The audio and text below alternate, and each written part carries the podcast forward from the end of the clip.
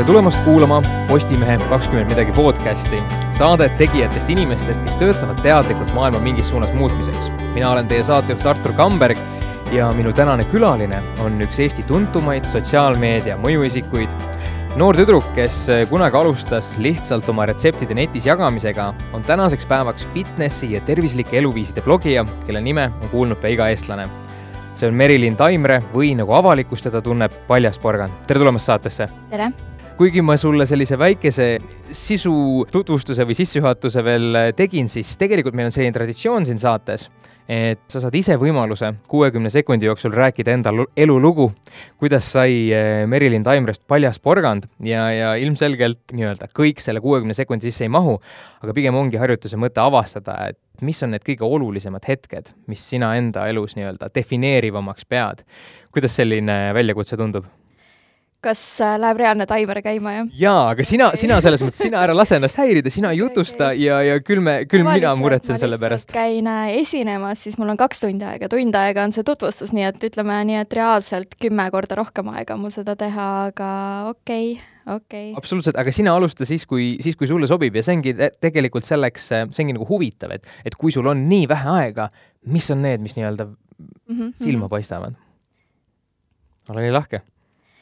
ma olen kahekümne viie aastane, kuid millegipärast ma tunnen, nagu minu kehas oleks kinni üks viiekümne aastane naine, kes on juba palju rohkem elus näinud ja teinud. Ja seda on mulle kusjuures kõik alati öelnud ka, ma olen alati ümbritsetud vanematest inimestest ja ma olen alati saanud paremini läbi vanemate inimestega. Ja koolis täpselt samamoodi, ma kuulusin alati vanemate sõprade sekka. Ja sealt on kindlasti saanud alguse ka nii-öelda kiirem kasv elus, et ma ei ütleks, et ma olen niisugune kahekümne kuue aastane tüdruk, vaid pigem minu suhtlus ka blogis toimub tegelikult neljakümneaastaste naistega, neljakümne viie aastaste naistega ja retseptiblogis sai küll kõik alguse, kus ma hakkasin avastama enda jaoks tervislikke eluviise,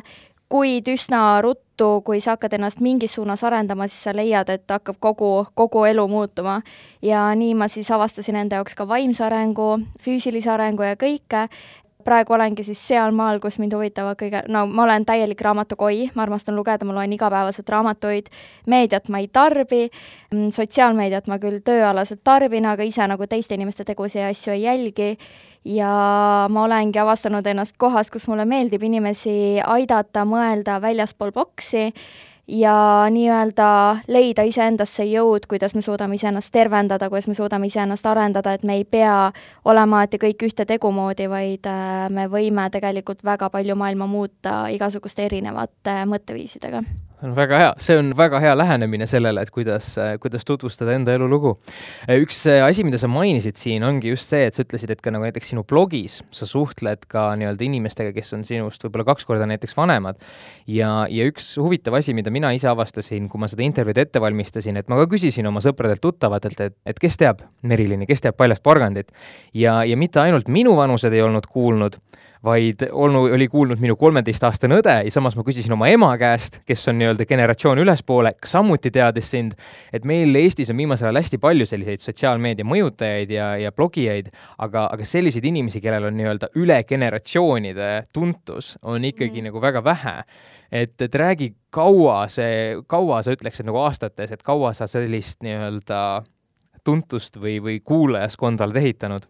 See on kindlasti tegelikult mu blogi üks suurimaid plusse, mitte ainult blogi, vaid siis ka sotsiaalmeedia, et äh, kliendid tihtipeale pöörduvadki minu poole just tänu sellele, et nad soovivad jõuda nii noorteni kui vanemate inimesteni kui ka siis nagu sellise keskealise lugejaskonnani et ma ei ole seda teadlikult teinud, lihtsalt kuna ma just rääkisin, et kui seinast seina mu areng on toimunud ja kui palju asju mu blogi endas nagu hõlmab, ma ei ole ilublogija, ma ei ole fashion blogija, ma ei ole beebiblogija, vaid ma olengi kõik, mis puudutab üldse elu, ma räägin suhetest, ma räägin seksist, ma räägin äh, naiste asjadest, ma räägin äh, vaimsest arengust, äh, füüsilisest arengust, toitumisest, retseptidest, kõigest kõik, mis puudutab mind ennast, sellest ma räägin, et see ei ole see, et ma püüan kuskilt mingit sihtgruppi püüda, vaid nad ise ongi minuni jõudnud ja sotsiaalmeedias tõepoolest on kindlasti nooremaid ka väga palju, aga ikkagi seal on ka kakskümmend viis on niisugune kõige tüüpilisem vanus, mida ma kohtan. Aga nooremad teavad kindlasti mind mu reisisaate pärast, Youtube'i pärast ja siis äh, minu vanused teavad mind kõige rohkem sotsiaalmeedias ja Facebookis on siis juba niisugune kolmkümmend pluss kõige rohkem ja blogis on ka seinast seina, olenevalt postituse tüübist, et võibki vaadata, kus ma räägin rohkem elulistel teemadel, suhetest, vaimsest, mingisugusest äh, taipamisest, siis seal on kõige rohkem just niisuguseid kolmkümmend viis pluss lugejaid ja kus ma räägin trenni nippidest, siis seal on kohe niisugune seitseteist kuni kakskümmend viis, ma ei tea. aga sa, saan ma õigesti aru, et, et siis sellise nii-öelda laia lugejaskonna, kuulajaskonna eh, tekkimine ei ole olnud sul selline mingi kindel strateegia, vaid see on lihtsalt siis kujunenud sinu enda selle protsessi käigus? jaa, üldse kõik, mis ma üldse kunagi teinud olen, mind reaalselt kirutakse sellepärast, et sul peab olema strateegia paigas, sa pead teadma, mida sa teha tahad, sul peaksid olema mingid goal'id seatud ja värki, ma ei ole niisugune inimene. ma ei jälgi statistikat, ma ei jälgi analüütikat, ma ei, mind ei huvita üldse, mis praegu on nagu aktuaalne, ma kirjutan sellest, mis minu jaoks on aktuaalne. ja samamoodi ongi siis ka see, et ma ei ole seda ka nii-öelda strateegia kaudu suutnud saavutada, vaid ma lihtsalt teen oma asja, ma teen seda kirega ja ju see siis kuidagi klikib inimestega ja ma usun, et kõik kõige parem tuleb meieni ise, nagu ta tuleb kuskilt mujalt, ta ei tule, ma ei tea, arvuti statistikast, mis iganes, et peaks nagu jõudma sinuni ise. mis sa arvad, mis selle nagu edu valem on, et, et tõesti, nagu sa ütled, et tänapäeval ei tule keegi enam sotsiaalmeediasse nii-öelda juhuslikult, selles mm mõttes, et selleks, et siin kanda kinnitada, sul peab olema meeskond, strateegia, plaan, turundusplaan, kõik on paigas kust see tuli, et kas seal on mingisugune õnnefaktor, et kas sa näiteks alustasid mingi sellisel ajal, kus nii-öelda see maastik oli hästi noor või, või kuidas see selline, mis on olnud selle nii-öelda see salajane kaste, mis on teinud sellest nii eduka asja? noh, nii nagu Coca-Cola retseptis ei ole ainult üks komponent, vaid on ikka mitu, mis teevad selle lõpliku nii-öelda vau-efektiga toote siis siis ka mul on see, et kindlasti oli see, et ma alustasin sellisel ajal, kus olid üksikud blogijad, kes on tänaseks nii-öelda saurusblogijateks kutsutakse neid, blogija ei olnud amet. Kui ma tulin Austraaliast tagasi, ma ütlesin, ma ei lähe tööle, mind ei huvita, ma ei lähe kellegi alla enam kunagi tööle, ma teen oma ettevõtte ja ma saan hakkama. kui ma ütlesin vanematele, ma saan blogijaks, mulle naerdi põhimõtteliselt näkku, et kuidas sa ära elad, sa nagu tahad üürida korterit ja kõike, aga ma teadsin, et mul on nagu teenitud selline tagavararaha ja kuidas iganes ma löön läbi ja ma lihtsalt tegin igapäevaselt seda, mis mulle meeldis. päriselt, ma ei teinud strateegiaid, ma ei teinud mingisuguseid, ma ei ostnud jälgijaid, ma ei teinud mingisuguseid imelikke follow for follow, ma ei tea, mänge, mida iganes, et äh, ma lihtsalt ma ei tea, see kõik jõudis minuni, ju ta siis pidi nii minema, aga ma usun, et kõik, kogu edu, kuigi tänapäeval öeldakse hästi palju, et pinguta ja näe vaeva ja ma ei tea, pressi läbi, siis mina ei usu sellesse, ma arvan, et kui sa pead liiga palju midagi pressima, siis ta ei tule autentselt, ta ei tule loomulikult ja okei okay,, sa võid niimoodi suure brändiga töösse saada ja edaspidi võib-olla kulgeb paremini, aga kõige-kõige tõelisemad asjad peaksid tulema kuidagi seestpoolt ise.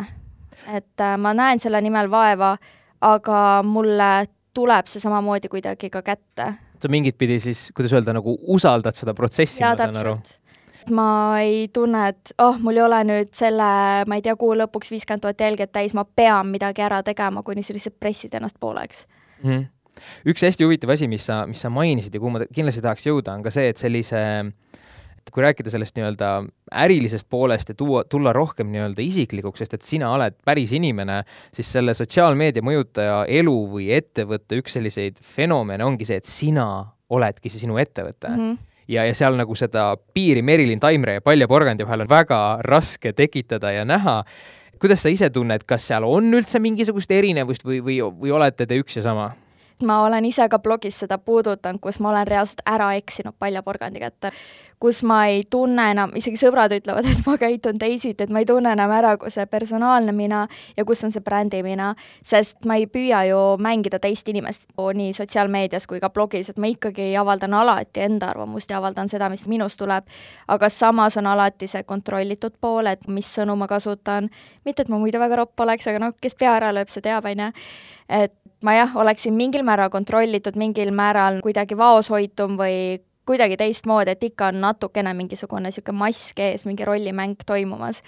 ja üldse tegelikult mu elus ongi, et ma isegi ei tea enam, mis on minu isiklikud asjad versus mis on minu ettevõtte asjad, sest tegelikult kõik läheb kasutusse ettevõttele ja kõik, kogu mu elu, kõik, mis ma teen, ka reisid, on tegelikult ettevõtte jaoks, sest mm. ma pakun content'i inimestele, ma pakun reisiideid kõik, kõik mu elus ongi üks suur nii-öelda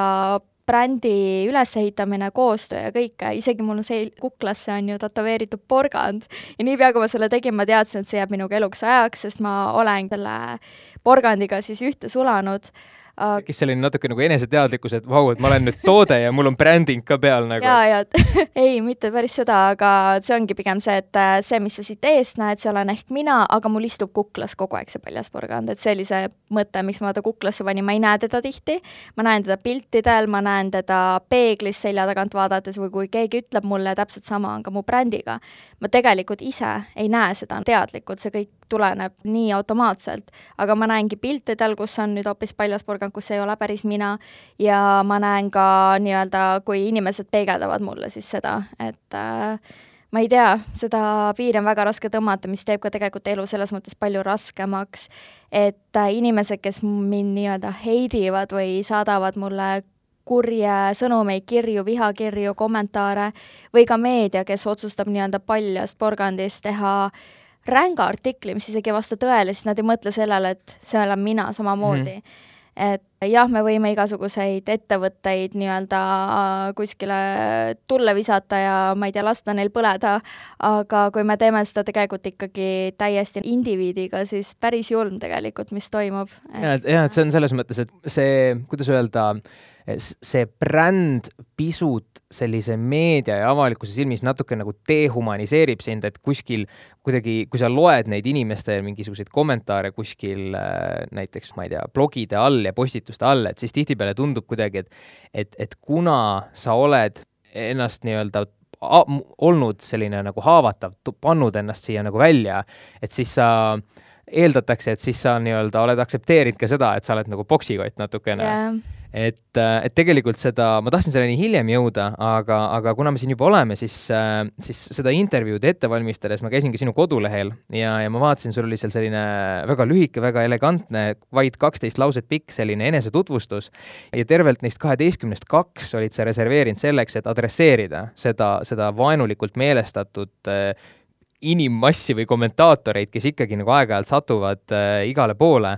ja, ja sa just ütlesidki väga nii-öelda selgelt ära, et, et kallid inimesed, sellised inimesed minu blogisse ei kuulu.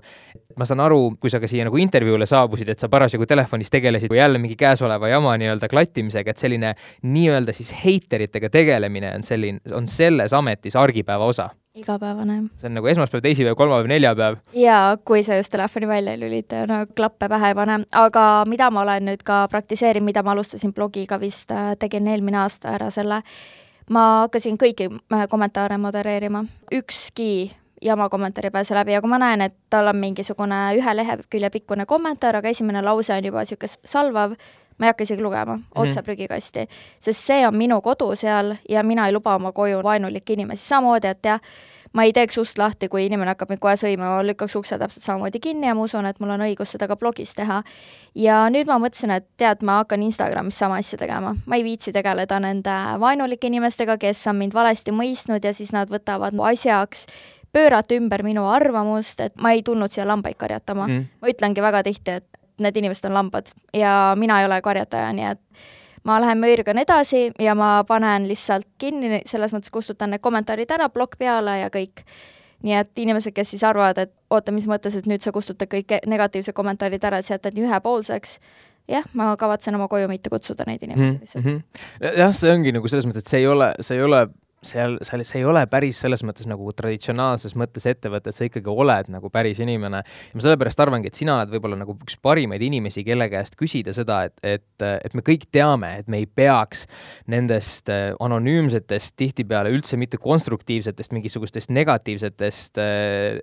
sellistest kommentaaridest välja tegema ja neid esineb nii-öelda mitte ainult sotsiaalmeedia isiksustel, vaid ka meie tavalises elus. aga seda nagu eirata on võrdlemisi lihtne, aga meil kõigil on omad ebakindlused ja vahel juhtub ja ma tean seda täiesti omast kogemusest, et keegi juhuslikult tabab midagi, mingit sinu oma ebakindlust ja see jääb sind nii närima. ja, ja see, see nii-öelda eriala või amet, mida sa pead, et sa ei saa siin ellu jääda, kui sa lased seda endal mhm. mõjutada ennast mõjutada nendest asjadest. ja, ja sina kohe kindlasti ei ole siin mingisugune uustulija, et mis on see sinu aga mis on see nagu aeg-ajalt sa ikkagi, isegi kui sa kustutad neid, su silm käib sellest üle, sa mhm. saad aru, mis see salvamine seal sees on, et mis on see sinu nii-öelda retsept või soovitus nende emotsioonidega hakkama saamiseks või sellest üleolemiseks? siin ongi tead suht üks kindel retsept ongi enesearmastus ja eneseaktsepteerimine selles mõttes, et kui ma alustasin blogimisega, kui ma läksin sinna, kus ma hakkasin elustiilis rääkima, kus ma rääkisin väga isiklikel teemadel ja ma olin selles mõttes noor, ma olin arvatavasti, mis ma olin, kakskümmend kaks või midagi, ja ma arvasin, et no mina olen seal, ma tean täpselt, mis minu elus toimub, ma tunnen ennast ülihästi ja ma olen enesekindel, ma armastan ennast, see oli jumala vale kõik, selles mõttes, et ma arvasin, et ma tean seda, aga ma ei teadnud seda. Ja kui mul tuli ikka päris palju kommentaare, kus öeldi, mulle küll tundub, et sa üldse ei armasta ennast või mulle tundub, et sa oled oma õdega nii pahuksis, siis need kommentaarid tegid metsikult haiget ja nagu sa ütlesid, teevad haiget need kommentaarid, mis siis äh, päriselt vaatavad tõele vastu. ja, ja juhuslikult täiesti tabavad nii-öelda seda. Need tegid nii haiget ja ma isegi, noh, toona ma isegi ei teadnud peegeldumisseadusest ega mitte millestki, mitte midagi niikuinii ja siis ma lihtsalt hakkasin neile umbes vastu, aga mingi hetk ma sain aru, et issand, need kommentaarid olid need, mis tegid mulle kõige rohkem haiget ja kui, mida rohkem ma olen arenenud ja õppinud ennast aktsepteerima ja ma olen veendunud oma arvamuses, mul ei ole enam seda, et keegi kirjutas midagi vastumeelset, appi ma peaks vist muutma oma arvamust või äkki tal on ikka õigus, et äkki mul ei ole ikka õigus, varem oli seda väga palju, kui ma olin noor või noh, mitte et ma enam noor ei oleks, ma olen väga noor, ma olen väga noor naine, aga selles mõttes mul on mingi sügav sisemine enesekindlus lõpuks jõudnud kohale. viimane skandaal, kus ma rääkisin siis äh, depressioonist, kus ma jagasin äh, arvamust antidepressantidest, ükskõik mis asja need inimesed võisid seal kirjutada selle vastu või teha maha minu arvamust või isegi saada sellest valesti aru, mind ei kõigutanud mitte üks piisk see, mida nemad arvasid, sest see on nende arvamus, see on nende reaalsus, ma tean, mis on minu arvamus, ma tean, mis on minu reaalsus. ma tean, mis on minu kogemus ja ma olen näinud seda kõike kõrvalt ja pealt ja ma tean, mis mulle aitas ja that's it, nagu mind ei huvita mitte miski muu. seega, et jääda täiesti oma keskmesse, selle kõige keskel, oh, see oli päris äge lause, siis äh, siis tasubki lihtsalt tegeleda iseendaga ja jõuda nii tugevalt oma kindlustundesse et mitte miski lihtsalt ei kõiguta, sest sa võid küll kustutada neid ära, sa võid panna endal mingisuguse filtri sinna peale, aga see ei aita. jah, et nad, nad tegelikult, nad ei süsti sinusse ebakindlust, nad ainult võimendavad seda ebakindlust, mis sinus Sinu endas on olemas juba. jaa, see oli hea mõte aga üks asi, kui, kui noh, nii-öelda see on see, et, et keegi teine,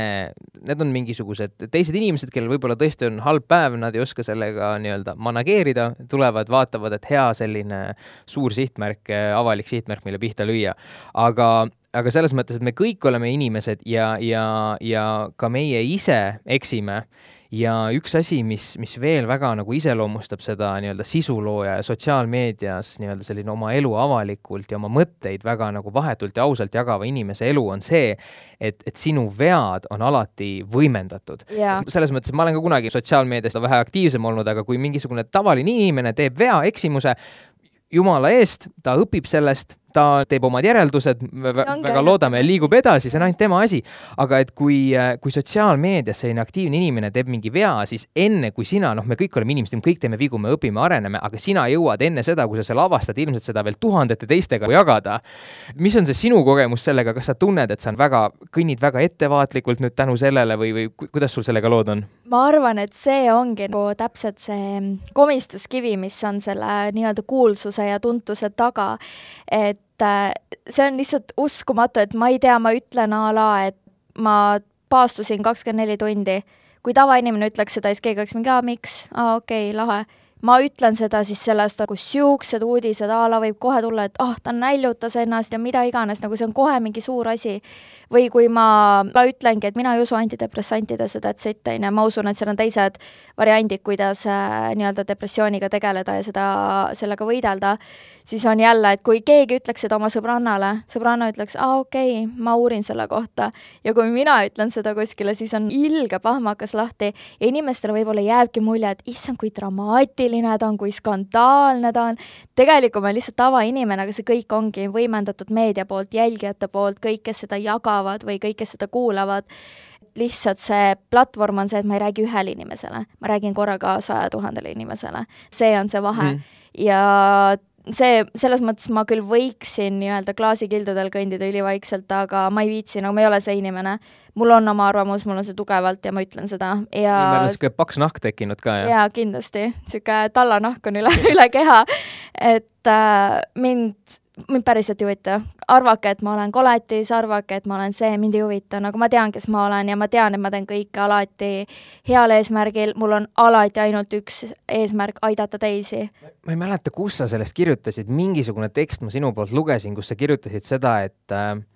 paratamatult, kui sa oled sina ise, siis sa ei saagi kõigile meeldida. Ja minu arust see oli nagu selline väga oluline, kuidagi mul on jäänud mulje, et sotsiaalmeedias ka sellised inimesed, kes üritavad kõigile meeldida, nad on nagu täiesti sellised näotud, iseloomutud, nad ei julge midagi väljendada ja, ja nad ei pahanda kedagi, aga seal ei, nad ei, keegi ei suhtestu nendega, neil ei teki yeah. kellegagi mingit sügavamat klikki. aga samas inimesed, kes on, ja seda täiesti kasutatakse strateegiana, et ole polariseeriv, see on see, kuidas mm sa tõmbad inimesi ligi, aga tegelikult on see, et ole autentne mm. -hmm. ja see ongi nagu see, et, et need inimesed, kes reaalselt nõustuvad sinuga, tahavad rohkem kuulda sinu mõtetest, jõuavad sinuni ja kes ei taha, nagu olge nii lahked ja minge teist teed, et. jaa, aga kahjuks on, ma ei tea, kas mulle tundub, võib-olla lihtsalt ongi see, et lambad teevad alati rohkem häält. et mulle tundub, et neid inimesi on nii vähe, et võib-olla need inimesed lihtsalt võtavad ja omavastavad seda informatsiooni ja siis tegelevad sellega, protsesseeri-, nagu protsesseerivad seda enda sees aga ma ei tea, alati on kuskil need paukujad olemas ja neid on kümnetes kordades rohkem. aga samas ma tean, et ma ei ole ka nii-öelda kõige tavapärasem inimene oma mõttemaailmalt, oma tegutsemisviisidelt ja oma uskumustelt, et äh, kindlasti ma leian oma selle karja ja noh, kindlasti ma olen selle juba selles mõttes leidnud, aga inimesed ikkagi kõnnivad hästi palju ka silmaklapid peas ja üks põnev asi, mis ma olen ka lugenud väga palju viimasel ajal ja mida ma olen avastanud, on see, et inimesed kardavad uusi asju, nad kardavad nii väga muudatusi. Nad kardavad, kui keegi tuleb, ütleb, et tead, ma tean, üks pluss üks on kaks, aga kas sa teadsid, et neli jagatud kaks on ka kaks? ja nad lähevad mhm. pöördesse, nad on nagu, mis mõttes neli jagatud kaks ei ole kaks, üks pluss üks on kaks, loe seda ükskõik mis õpikust, loe seda ükskõik mis teadlase tekstidest, loe seda uuringutest, mida iganes. Nad lähevad täiesti pöördesse, sest nende jaoks on see nende mugav boks ja see on nagu juba ka teaduslikult tõestatud ja kõike ja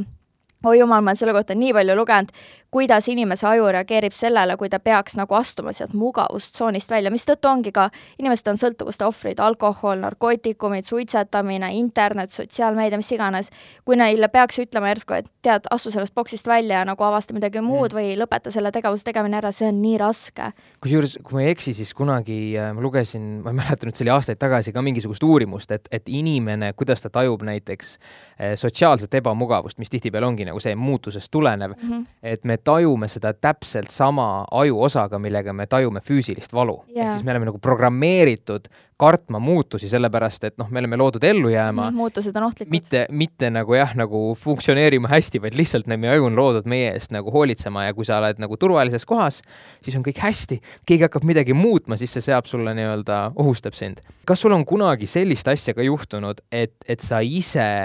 üks asi on see, et keegi teine võtab mingisuguse sinu sõna ja keerab sellest mingisuguse nii-öelda tolmupilve üles ja ütleb, et, et Reili Taimre mõtles siin seda ja tegelikult tahtis öelda hoopis toda ja vihjas sellele kolmandale, aga kas sa ise oled vahel teinud midagi sellist, et sa ütled midagi ja saad aru, et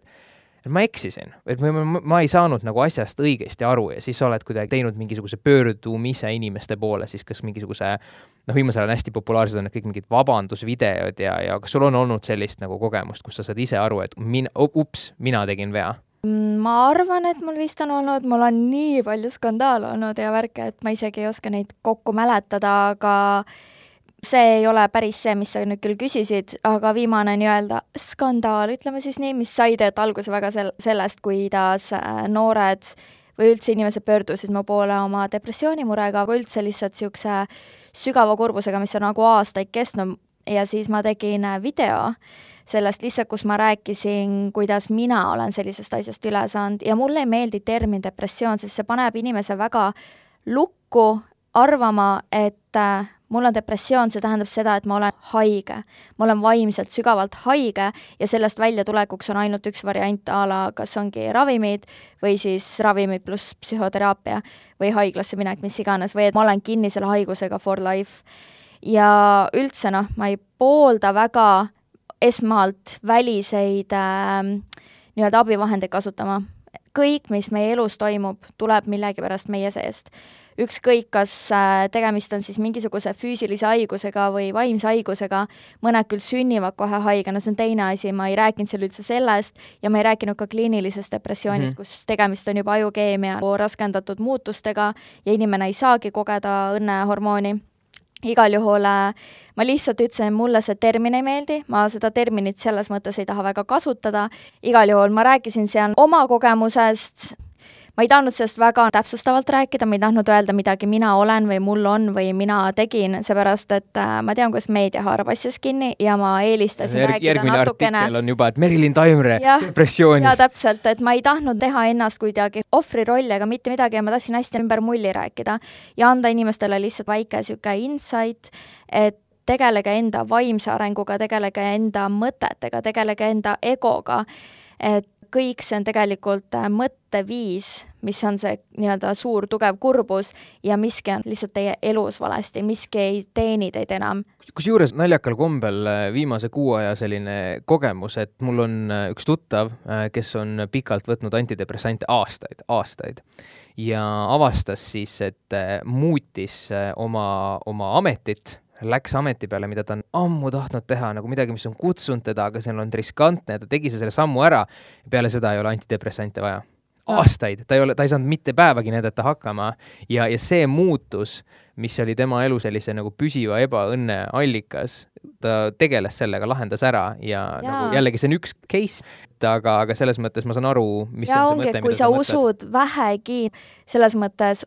enda võimetesse, siis sa saad aru, et kui sul miski, kui sa millegipärast oled nii sügavalt kurb ja sa ei saa aru, mis see on, sa pead seda kurbust selles mõttes kogema, sinna sisse minema ja see näitab sulle, kus su elu vajab muudatust, kuhu su mõtted lähevad, ma rääkisin sellest, et kuidas kogeda seda kurbust ja miks see kurbus on meieni saadetud, et ta ei tule ju niisama üleöö, ta hakkab vaikselt peale, kus miski sa, sa lähed oma eluteelt kõrvale. Sa oled täiesti ära kaldunud, kas ongi mingi mugavus või mingisugune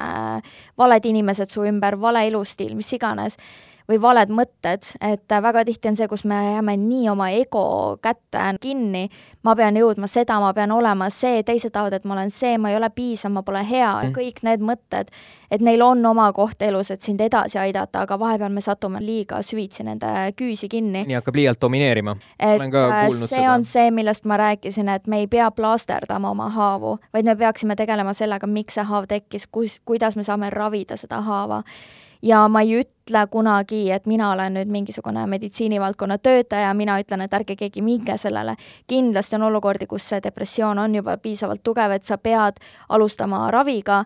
olgu see siis antidepressandid või mis iganes, aga sealt kõrvalt palun tegele ka iseendaga ja leia endas see viga või nagu see, me, me, viga ei saa öelda, sest me kõik oleme perfektsed oma imperfektsuses. leia see jah, põhjus või asi, mis on sind viinud sellele teele. et see oli ainus, mis ma tahtsin öelda ja siis tuli meedias, et mina hakkasin ravima inimeste depressiooni, mina ütlen, et tulge kõik antidepressantidelt maha ja mina põhjustan inimeste oksa tõmbamist ja surma. no see on, see on täiesti nagu minu arust nagu uus teema, aga jah, et on tekkinud natukene meie ühiskonnas selline suukorv, mille nimi on meedia, et sellepärast, et, et et kuna meedia on metsikult stressirohke ala ja, ja sul on vaja iga päev uut uudist, siis äh,, siis on tekkinud selline uudiste loomine mm -hmm. ja, ja, ja seetõttu on kõige, kõige nii-öelda kiiremalt tõmbab ikkagi kriitika pilku. Ja, ja siis tihtipeale ongi sellised ka, et nagu väga raske on teha ühiskonnas mingisuguseid muutuseid või mõtteavaldusi, sellepärast et, et sind kohe nii-öelda lintšitakse ära. Yeah.. et seda ma olen ka teistelt saatekülalistelt kuulnud. Hästi huvitav oli ka see, et ma panin tähele, et need artiklid ilmusid just äh, portaalidesse, kus ei olnud reporteri nime, ei olnud toimetajat, mitte midagi, vaid oligi mingi arvamusloo portaal. Eesti Ekspressis ja mingites erinevates väljaannetes ongi olemas nüüd niisugused kohad, kus lihtsalt mingid inimesed, kes midagi arvavad, kirjutavad täiesti selles mõttes ebaprofessionaalselt kokku mingi artikli, mis on ühepoolne, puudub teise poole kommentaar ja mitte midagi ja lihtsalt bash ivad kedagi. Ja see on saanud väga asjaks ja see on päris häiriv, nagu täiesti reguleerimata, ilmselgelt ma ei tea, Eesti meedia ongi selles mõttes täiesti reguleerimata see on selline, ma arvan, see on pigem, see ei ole nagu ühegi kuskile nagu konkreetsele nagu mingisugusele, et, et, et sina Ekspress ei saa nagu sõrmega, et see on inimloomus lihtsalt mm. -hmm. nagu inimesed, inimesed, inimesi püüab draama ja, ja selle seetõttu ka nagu inimestele, restoran valmistab seda rooga, mida kõige rohkem tahetakse mm. -hmm. aga kui rääkida edasi sellest teemast, et kuulata ennast või siis minna enda vastu ja rääkida sellest nii-öelda läbi sinu enda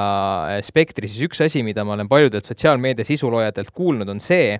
et mitte alati ei lähe see, mida sina Merilin parasjagu teha tahaksid, kokku sellega, mida pall ja porgandi lugejad parasjagu lugeda tahavad. et, et nii-öelda, ma ei mäleta, kes see oli, kes väljendas mulle seda, et, et ta tahaks kirjutada mingisuguse Instagrami postituse sellise pikema, kuidagi sellisest female empowerment'ist, sellist naiste julgustamisest ja, ja, ja kogu selle teema käsitlemisest ja siis see postitus saab tal sada, sada nelikümmend laiki, aga et kui ta paneb eh, bikiini pildi, siis seal on neli tuhat, kuus tuhat eh, laiki, et kas sa ise tunned ka vahel seda vastuolu, et, et sina tahaks luua mingisugust X-sorti sisu, eh, rääkida X-sorti teemadel, aga sa tead, et see ei ole nii kasumlik, et selles mõttes, et paratamatult sul on ikkagi kliendid või lugejad ja publik mm -hmm. ja nemad tahavad tegelikult sinult ainult kas A, B või C sorti teemasid aga see ongi täpselt see, millest ma rääkisin, et äh, ma ei tee niisugust asja. nagu kui ma tahan midagi kirjutada, ma kirjutan sellest, kui keegi ütleb, et palun kirjuta sellest, ma võtan arvesse, mis on nagu vajalik, aga ma ei kirjuta seepärast, et ta tahab, et ma kirjutaks, ma ei kirjuta seepärast, et mul keegi ütleks, et palun kirjuta sellest, vaid ma võtan nende inimeste soovid kui ma näengi, et issand, kuskil on tekkinud probleem, inimesed ei tea enam näiteks, äh, kuidas oleks tervislik, kasulik või kuidas oleks parem, siis sealt hakkab tekkima mul tahe neid aidata. see ei ole see, et ma kellegi soovi peale teen midagi, aga ma näen kuskil probleemi ja ma kuidagi seostan selle millegagi, mis ongi minu enda kogemusest või et ma olen selle läbi elanud ja kui ma oleks nende asemel, siis ma soovin, et oleks olnud artikkel, mis aitaks mul seda lahendada või keegi, kes näitaks suunda kätte ja siis tekib sügav sisemine tahe seda teha ja alles siis ma teen seda et mul on olnud erinevatel suhteteemadel või enesearmastusteemadel, et äh, kus on palju soovitud, aga kuni ma ei tunne, et see tuleb minu seest, siis ma ei ole seda teinud ja on ka reaalselt pool aastat hiljem ja ma kirjutan selle postituse, sest nüüd on nagu minu aeg mm. -hmm. ja Instagramis samamoodi, et äh, mul ei ole väga vahet, kas seal tuleb tuhat laiki ära või seal tuleb kolm tuhat, viis tuhat laiki, et äh, see on täiesti olenev Instagrami algoritmist kindlasti, olenev sellest, kui äh, ma ei tea, väljapaistev või silmapaistev see pilt on ja siis sellest, mis see caption öelda tahab, aga ma ei kirjutanud täiesti alati enda mõtteid ikkagi. see algoritmi mainimine oli minu arust nii oluline, et see sotsiaalmeedia on, on järjest enam äh, ja tegelikult eh, see on, see on nagu vaieldav, aga mul on tunne, et järjest enam on see ikkagi nagu algoritmipõhine ja üks selle algoritmi selliseid tunnuseid on see, et sotsiaalmeedia ei maga ta ei mhm. puhka kunagi. et kui sina ei postita, sina tunned, et minul on täna halb päev, ma olen haige näiteks täiesti ja, ja minu nii-öelda tervise mõttes mul ei ole tark siit voodist täna välja ronida algoritm ei ole seda, aa, Merilin on täna haige, okei okay,, okei okay,, et siis me nagu arvestame sellega. ei, kohe nagu sinu engagement langeb, sinul nagu vähem, vähem likee, vähem vaatamisi, vähem lugemisi. et eh, kuidas sa tunned sellega, et ma mäletan, et see oli minu enda jaoks nagu üks põhjus, miks mina nagu suuremast sotsiaalmeediast just nagu eemaldusin, oli sellepärast, et ta oli nii halastamatu. Yeah.. et, et, et selles mõttes, et see, et kui sina tunned, et, et mul on vaja puhkust, mul on vaja aeg maha võtta ja meil kõigil aeg-ajalt on seda vaja teha, siis äh, sotsiaalmeedia seda ei arvesta. Kuidas sul sellega on? Mul on olnud hetki, kus ma pole üldse postitanud, kus ma olen kaks korda päevas postitanud, kus ma mingi hetk otsustan teha video, mingi hetk story'si rohkem, mingi hetk feed'i rohkem. Ja selles mõttes nagu jälle olen nii savi. Ma ei vaata seda analüütikat, ma ei tea, vahepeal ei ole üldse kommentaare nädalate kaupa, vahepeal on likeid maas nädalate kaupa, järsku tuleb mingi viis tuhat, kolm tuhat, neli tuhat, mingi likeide laviin. Ma ei tea, mul on suht suva, sest see ei anna nagu, ma ei tee seda seepärast, et kuidagi endale midagi saada, vaid ma loodan lihtsalt, et need inimesed jõuavad selle content'ini, selle, nende mõteteni, mida ma soovin edasi anda ja that's all that matters. aga nagu. sul seda pinget ei ole, et noh, paratamatult, kui sa oled nii-öelda elukutseline sisulooja, siis nagu sinu nii-öelda igapäevane leib tuleb sellest. et kas sa ei tunne seal seda pinget, et jah, et okei okay,, sa nagu ei, ei mõtle strateegia peale, sa teed seda, mida sa tahad, aga nagu kuskil kuklas, kas, kas sul on vahel niimoodi, et sa saad aru, et äkki ma peaks mõtlema või nagu selles mõttes, et ma olen mõelnud, et äkki võtta keegi, kes tegeleb sellega, sest see ei ole nagu minu see mm. ala, et ma, ma ei ole numbrite käes nagu numbrites kinni hoidev inimene, vaid ma olen väga loominguline just vastupidi et ma olen mõelnud palgata kedagi, ma olen seda kunagi teinud, aga praegu ma arvan, et ma olen kanda kinnitanud ikkagi maastikul nii tugevalt, et see selles mõttes õnneks enam ei mõjuta mind, et kui ma oleksin kindlasti algaja või ma tahaksin kuidagi pildile rohkem pääseda, siis ma arvan, et ma näeksin sellega rohkem vaeva, kuigi toona, kui ma sellega alustasin, siis Instagram oli väga mm alustav platvorm ja kõik, et siis ka ei pidanud sellele üldse mõtlema ja ma kasvasin koos Instagramiga et mul on see õnneks tulnud kõik väga loomulikult, aga kindlasti, kui ma oleksin praegu keegi, kes tahab kuidagi pääseda sinna pinnale, siis ma arvan, et ma teeksin seda. Äh, kui äh kui, kui just, just sa mainisid seda, et sa ise kasvasid ka Instagramiga ja ennist me rääkisime sellest, et sa alustasid siis, kui nii-öelda need, need saurusblogijad alustasid, et kuidas sa näed seda sotsiaalmeedia maastikku, kas äh, meil on nii-öelda, Eesti on väga väike turg, on ju, kas meil on siin üldse veel ruumi, et meil alustab jube palju igasugu influencer eid nagu iga päev mitu tükki, aga reaalselt kuhugi jõudmiseks, äh, kas sa näed, et siin turul on veel ruumi või on see juba täis? Uh, raske öelda, sest ma esiteks ei jälgi teisi mm, -hmm. aga ma olen kursis, et väga palju on niisuguseid alustavaid, kellel on siis niisugune tuhat jälgijat kuni sinna kümme tuhat jälgijaid, et neid on hästi palju ja on mingeid brände, kes kusjuures eelistavad mitte nagu suuremate kontode poole pöörduda, vaid just siis nende pisemate, et see ongi tegelikult täpselt see, et oleneb, mis müügistrateegia on. kui meil on a la Terepiim, kes tahab üle terve Eesti oma mingit uut piima nüüd tutvustada või mingit toodet, siis ilmselgelt tal on võimalikult, tal on kõige kasumlikum pöörduda võimalikult laialdase auditooriumiga nii-öelda sotsiaalmeedia mõjutaja poole, aga kui on näiteks, ma ei tea, mingisugune pisikene talupood, kes ongi a la kuskilt Võru ümbruses, ütleme mm -hmm. nii, siis ta pöördub nende inimeste poole, nende sotsiaalmeedia mõjutajate poole, kellel on Tartus, Võrus, kuskil sealkandis rohkem jälgijaid. Lõuna-Eesti suunamudija. jah, ma arvan, et kindlasti on selles mõttes neil mingisugune pluss, et neil on kontsentreeritum see, et nad jõuavad täpselt selle vaatajaskonnani, kellel on, keda tahetakse, aga mul on ka näiteks väga palju äh, ütleme nii, et äh, välismaalasi, kes on siin siis kas pikemat aega või elavadki siin, et või kas või lätlasi, leedukaid, siis venelasi, soomlasi, rootslasi, et kui on mingisugune Tallink või kes iganes, kes benefit ib ka soomlastest, siis jällegi on minu poole väga nagu kasumlik pöörduda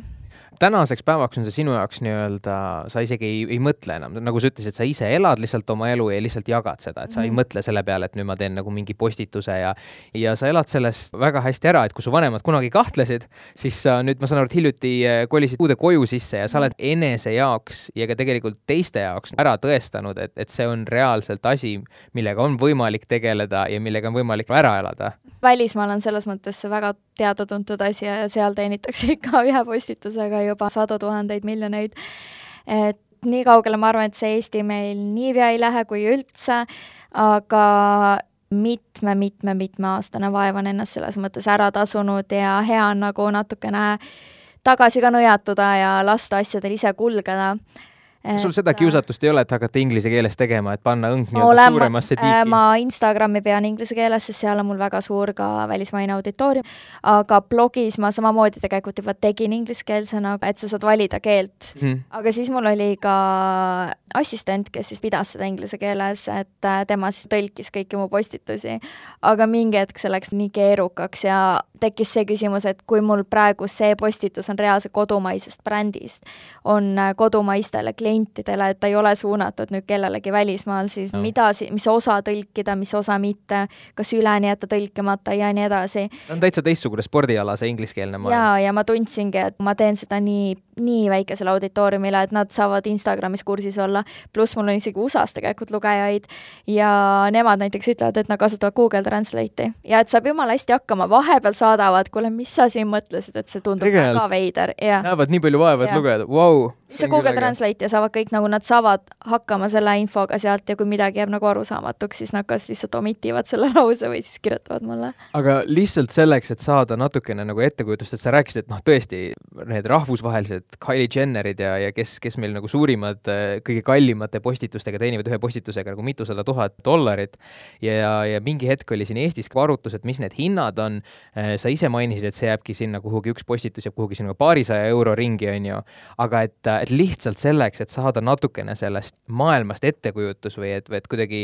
ma endiselt kohtan selliseid keskealisi või natuke vanemaid inimesi, kes nagu, et ei, see on ikka mingi pettus, et see ei ole nagu, seal ei ole võimalik, et sotsiaalmeediaga võimalik raha teenida, et kas, kui sul on, kuidas, kui sa tunned ennast mugavalt, et kas sa oskad mulle anda mingisuguse vahemiku sinu kogemuse põhjal sotsiaalmeedia teenistuse suurus, et mis on halva kuu alumine äär ja mis on nagu hea kuu ülemine äär, et kuhu see vahemik umbes jääb? jälle need numbrid. ma ütlen ausalt, et ma ei käi pangakontol isegi või nagu ma, mul on raamatupidaja mm., nii et kõik arved väljastab tema ja ma isegi ei pea account'i, mitu arvet ma siin kuus väljastan või mitu mitte kindlasti on vaiksemaid perioode nagu suvi näiteks, aga nüüd november tuleb selles mõttes üks pisimaid, et tulevad jõulud ju siiski, jõulukampaaniad ja aastavahetuse mingid kampaaniad, ja siis on jälle natukene vaiksem, siis tulevad suured kevad, mingid tervisetooted, fitness-tooted, et noh, saame vormi kõik koos, kõik turundajad üldse teavad, siis ongi nagu need high season'id, low season'id, et ma tõesti ei tea, kuidas see võiks olla, sest mul on äh, blogipostitus, mul on täiesti oma fixed hinnakiri ja kõik Facebook, blogi, Instagram, kõik need nagu erihinnad ja värki, et seda oleks võinud ette küsida, siis ma oleks vaadanud nagu okay, ette seda okay. veits. aga võib-olla oleksin isegi mingeid numbreid andnud, aga noh, isegi kui ma ei räägi kunagi nendest numbritest, siis me teame, et siin Kroonikas vahepeal ilmus mingisugune skandaalne nii-öelda artikkel, kus siis küsiti nendelt suunamudjatelt võltskontoga neid hindasid ja värke. Ah,, kuigi tegelikult ja, mul on meilides isegi olemas, et antud informatsioon on konfidentsiaalne ja ei kuulu kolmandale osapoolele avalikustamiseks. Väga kindla eesmärgiga, eesmärgiga muidugi kirjutatud, ja idiootne on see, et ega mul ei ole nii fixed price, ei ole see, et sa lähed Selverisse ja sa ei lähe müüjale ütlema, et kuule, palun tee natuke hinnaalandust, on ju. et sa oled ikkagi loova inimese juures, kes siis otsustab ise, mis hinna ta sulle selles mõttes paneb, et kui on alustav ettevõte, ma näen nii nii suurt potentsiaali, ma olen teinud selles mõttes ka heategevuslikku tööd väga palju, et kui keegi tahab väga nagu abi, et tead, see on mu hinge nagu niisugune teema, ma tahan seda turule saada, sellest oleks paljudel abi, ma aitan teda muidugi või ma teen talle, ma ei tea, läheb sulle endale korda. või kui on jällegi niisugune asi, et no ma ei tea, kas tasub või nagu ma ei viitsi väga teha, et see nõuab nii palju aega, siis ma tean, ma panen nagu selles mõttes kõrgema hinna ja that's it. mul, mul on tunne see, et see põhjus, miks sotsiaalmeedia isikute hinnakirjast rääkimine alati sellise nii-öelda emotsiooni tekitab ja sellise, nagu sa ütlesid, isegi skandaali, on selles, et et inimesed, nad näevad ainult seda nagu postitust, mina teen ka ju postituse, ma panin ka ju endast selfie üles, on ju mm. -hmm. ja, ja nad ei saa aru, et miks peaks keegi teine inimene saama selle eest näiteks viissada eurot, on ju, ja miks mina ei või saada ja mhm. see tekitab, tekib nagu sihuke, kas nagu kadedusmoment, aga pigem nagu mõistmatusmoment, sellepärast et on väga raske näha selles ühes hetkelises postituses näiteks mingist viiekümne aastast eh, publiku ehitamise protsessi ja selle brändi ehitamise protsessi, et tegelikult ja, see ja et... kõik see vajalik tehnika, millesse sa oled investeerinud, kõik need vajalikud teadmised, see nii-öelda jälgijaskond, kelle sa oled ehitanud ju aastatega üles mm -hmm. ja see, kui sa mõtled, et mingisugune bänner kuskil äh, linnatänaval versus see, et sa jõuad üle Eesti kõikide inimesteni, siis see on väga suur vahe. pluss jah, see, et seal taga on tööd, kas siis toodete katsetamised mingi aeg või siis äh, selle pildimaterjali loomine või mida iganes, jutu väljamõtlemine, pluss kui sul on see võimalus, siis why not, et sa ei pea tegema selles mõttes hinnaalandust, vaid nagu respekteeri seda, mis tööd sa oled teinud. jah absoluutselt, aga ma nüüd läheks, me oleme rääkinud äh, ärist, me oleme rääkinud rahast, me oleme rääkinud selles mõttes sellisest äh, sotsiaalmeediast äh, läbi sinu, aga nüüd ma läheks selliste pisut äh, sügavamate ja, ja ümmargusemate teemade juurde, et äh, räägi mulle, mis sa arvad, kas õnn ja edu on üks ja sama asi? absoluutselt mitte. ei ole, jah? selles mõttes, et sa oled edukas elus, kui sa oled õnnelik. selles mõttes saab öelda, et pigem on see, et mis asi on edu. kas edu on äh, sinu viielised hinded kuskil tunnistuse peal, kas edu on pangakonto number, kas edu on su auto ja maja või edu on see, kui mitu last sul on? aga mis on sinu jaoks edu? minu jaoks on edu õnn selles mõttes, et kui sa oled õnnelik, tegelikult see ei pea olema nagu mingi eufooria, see ei pea mm. olema see, et ma ärkan iga päev ja ma olen nagu ahahah, elu on ilus, on ju, vaid see kindel stabiilsus see oma keskmes elamine, see, et sa ei lase kõigutada ennast välisest. selles suhtes ma ei ole igapäevaselt edukas, vaid näiteks mul on ikkagi raskemaid aegu, nagu näiteks eilne õhtu, ma olin väga-väga kurb, aga päeva lõpuks ma ei lähe kunagi magama ikkagi niimoodi, et ma jääksin mitte edukaks, vaid ma lähen alati edukalt magama. ma toon ennast tagasi oma keskmesse ja ma taastan oma selle sisemise tugevuse, et tead, vahet ei ole, mis teised ütlevad ja mis teised teevad, kõik läheb mööda kõik unustatakse ära ja kõigel on nagu uus algus ühes äh, blogipostituses, kus sa rääkisid oma lapsepõlvest, sa avaldasid kahetsust, et tänapäeval inimesed on nii selle, selle töö ja raha ja, ja sellise professionaalse edu kesksed ja, ja selle võrra jääb neil nii-öelda täiesti elamata või osa saamata see elu teine osa, aeg olla perega, teha neid asju, mis neid õnnelikuks teevad. mis on sinu jaoks need asjad, mis sind õnnelikuks teevad? Mind teeb õnnelikuks aeg iseendale mind teeb õnnelikuks armastus, lähedus, connection inimestega, kas või see, nagu mul on siiamaani nii hästi meeles, kuidas lihtsalt üks tüdruk tuli trepist üles ja kui ta nägu jõudis nii kõrgele, et meil silmad kohtusid, ta lihtsalt naeratas mulle. niisugused väiksed asjad, kus sa tunned, et me oleme kõik üks ja me oleme kõik seotud, miks me peame üksteise vastu kurjad olema mind teevad õnnelikuks seal samamoodi siis ka inimeste lihtsalt, kes tuleb ja ütleb midagi armsat või kui keegi ütleb, et ma tahan sind kallistada, kas ma võin sind kallistada, see teeb mind õnnelikuks. muidugi teevad mind õnnelikuks ka selles mõttes materiaalsed ja manifesteerunud asjad, kui mingisugune hea toit või mm või mingisugune ilus asi, mida endale lubada või äh, mingi äge kogemus, mida kogeda. Et äh, tegelikult on õnn igal pool meie ümber, aga ma arvan, et kui sa ei suuda seda selles mõttes iseendas leida, siis see õnnetus, mis sinu sees on, sa lihtsalt paiskad seda igale poole, sa mürgitad kõike enda ümber ja sa ei suuda puhast õnne ja puhast armastust tajuda mul on väga hea meel sinu nende vastuste üle, ma olen nendega väga nõus, aga et äh, ennist ma küsisin nagu edu kohta, siis ma mõtlesin, et tegelikult ma mõtlesin, et, et kas sul on anda vahest selline äh, mingisugune nõuanne, et kui keegi inimene, kes meid kuulab praegu näiteks mõtleb sellise nii-öelda sektori peale või et noh, mingisuguses sarnases suunas, et mitte just olla nii-öelda suunamudija, aga nagu selles mõttes, et ka need nagu blogipostitused ja see on viimasel ajal aina nii-öelda kasvavalt ja kasvavalt populaarne, et et kas sul on mingisuguseid nõuandeid või näiteks kui, kui inimene soovib siseneda sellele alale, et milleks ta peaks valmis olema? oh, see võiks olla omaette mingi koolitus, ma arvan ma arvan, et kui sa selles mõttes oled seesmiselt nõrk inimene, kergesti kallutatav, siis see ala ei ole sulle, sest sa jääd inimeste tõmmata ja visata. väga paks nahk peab olema siis. väga, ja isegi kõige väiksemad, ma ei tea, tuhande jälgijaga suunamudjad, kellele ei meeldi, et nad on nii kõhnad, kellele ei meeldi, et nad on nii paksud nii-öelda või kellele ei meeldi, et nad ütlevad seda või teist, kogu aeg on kriitika igal pool, ükskõik, mis sa teed, sa